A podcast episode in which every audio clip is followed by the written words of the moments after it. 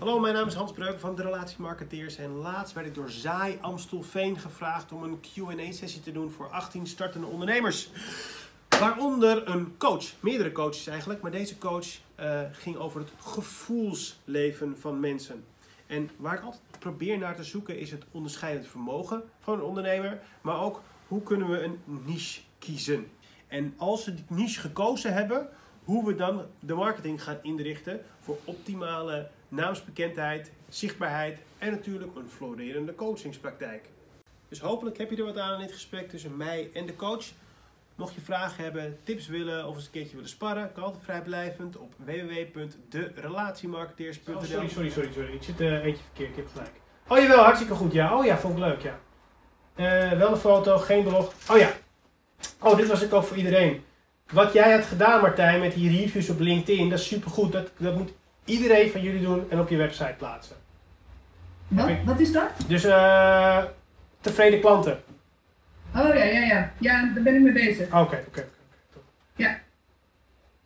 Uh, oké. Stel je vraag.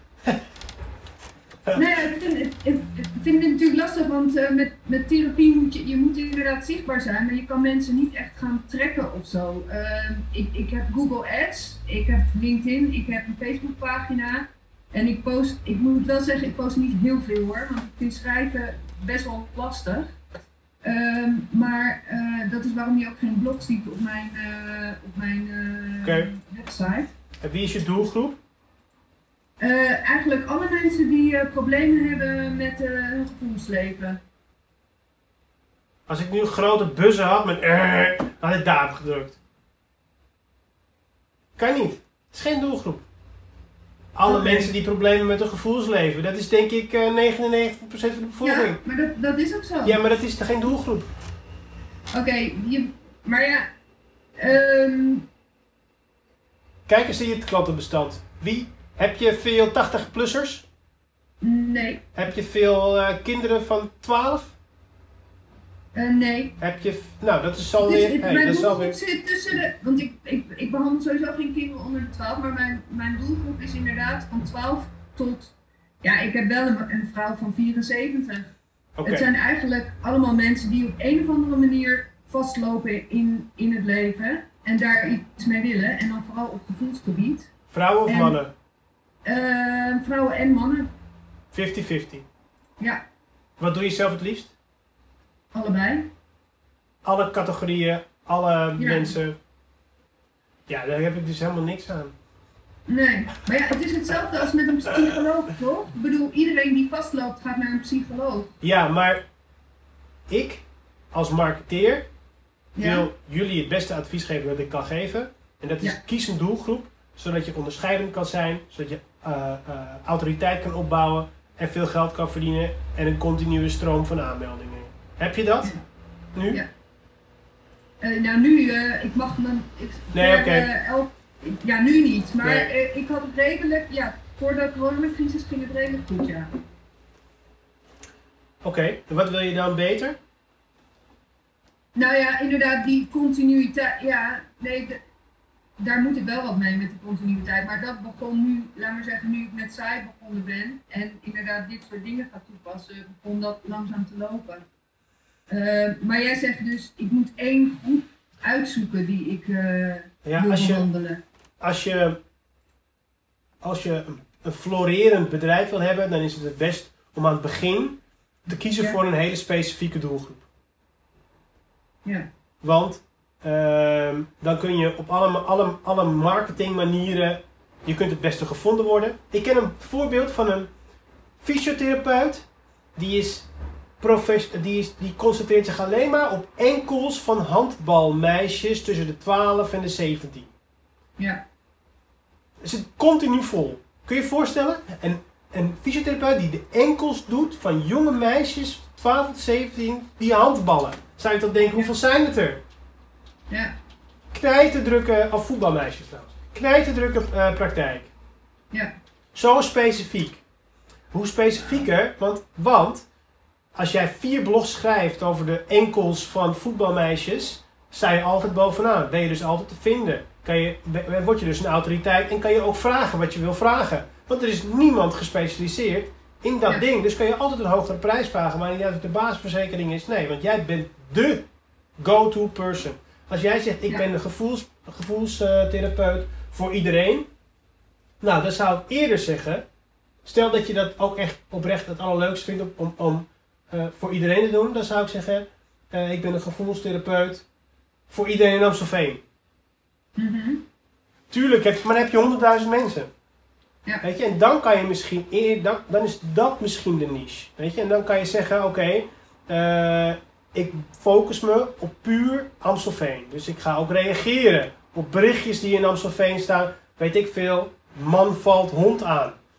Dat kan, want waarschijnlijk had deze meneer, schrijf je daar een blog over. Je kunt reageren op actuele gebeurtenissen. Je kunt dan de bekendste, is het haptonoom? Ja? Je kunt het bekendste haptonoom van Amstelveen worden. Dan zit je alweer, dan zit je al wel in een, in een soort van niche. Ja, ja. Ja, want het is, het is lastig. Ik, ik, ik begrijp wat je zegt, maar dan sluit je dus, als je dus op Ja. één iets richt, bij wijze van spreken, wat ik heel erg interessant vind, is transgenders bijvoorbeeld. Ah, En mensen die dus veranderen van geslacht, daar komt een heleboel bij kijken. Dat je ook nog eigenlijk weer je lijf van jou wordt. dat is Maar dan sluit je zo, dat is heel top, maar dan sluit je ook weer zoveel uit. Nee, niet per se. Dat is de angst die we... Ja, Je bent gevoels, je, bent, je weet precies hoe dat werkt in ons brein. ja, We hebben een soort van stemmetje, dat als we een, idee hebben, dat stemmetje wil je weer terug naar je comfortzone. Die is de angst. Maar dit moet Ja. je gewoon volledig laten gaan. Je kunt ook zeggen, ik, bl- ik blog alleen maar daarover. En jouw gewone mensen, die gaan, jouw, jouw, jouw gewone klanten zeg maar, die komen daar misschien niet eens. Misschien vinden ze het wel hartstikke leuk. Misschien, misschien komen jouw mensen wel bij jou en zeggen, nou, als je het voor hun kan oplossen, dan kan je het toch zo zeker voor mij oplossen. Want ik ben gewoon blij in mijn hetero mannenlijf. ja. Ja. Misschien biedt het juist super veel kansen. Nee, als dat iets is wat je interessant vindt, volledig daarop losgaan. Ja. Ja. De praktijk voor transgenders. Ja. Ja. En hoe doe je dat dan? Dat doe je dus door nogmaals veel blogs te schrijven. Ja, Eh, eh, heb je, eh, dat is ook wel een interessante tip voor iedereen die in een bepaald soort niche zit. Dat je Google Alerts aanzet. Dus bijvoorbeeld, dus als je, nou, Google Alerts, dat is een, een manier waarop Google die, nou, die indexeert al het nieuws. En als er dan een woordje staat. Ik heb bijvoorbeeld een Google Alert voor Hans Breuker. dus elke keer als Hans Breuker in het nieuws komt, nou dan weet ik dat in ieder geval. Dus je moet sowieso een Google Alert voor je eigen naam hebben. Want stel dat je ergens genoemd wordt waar je niet eens weet, kan je eens reageren. Maar bijvoorbeeld ook voor eh, start-up, eh, micro dat en dan weet je dat er een start-up is. Kan je daarop reageren? Ja, toch? Dus Google Alerts voor jou ook. Alles wat met transgender te maken heeft, dan kan jij daar ook op reageren. Stel dat, er een, stel dat het gewoon een blog is van iemand die vertelt over zijn of haar ervaringen. En jij kan daar een reactie op doen en je zegt, nou wat geweldig dat je dit doet. Eh, misschien kunnen we eens praten. Misschien moet je een podcast beginnen. Over Ja. mensen en, en, neem, en ga je mensen meenemen. Dus mensen die twijfelen of ze wel of niet transgender zijn. Misschien kun je ze wel interviewen anoniem. En, en, la- en laat je hun het verhaal vertellen. Super interessant. En, dan- en, en, en, dan stuur je die podcast. Nu kan ik even dus losgaan, want je hebt, een, je hebt een doel gekozen. Dan stuur je die podcast naar de Linda, naar de Chantal, naar al die bladen. Dat vinden mensen super interessant om naar iets over te weten. Het is afwijkend. Ja. Ja.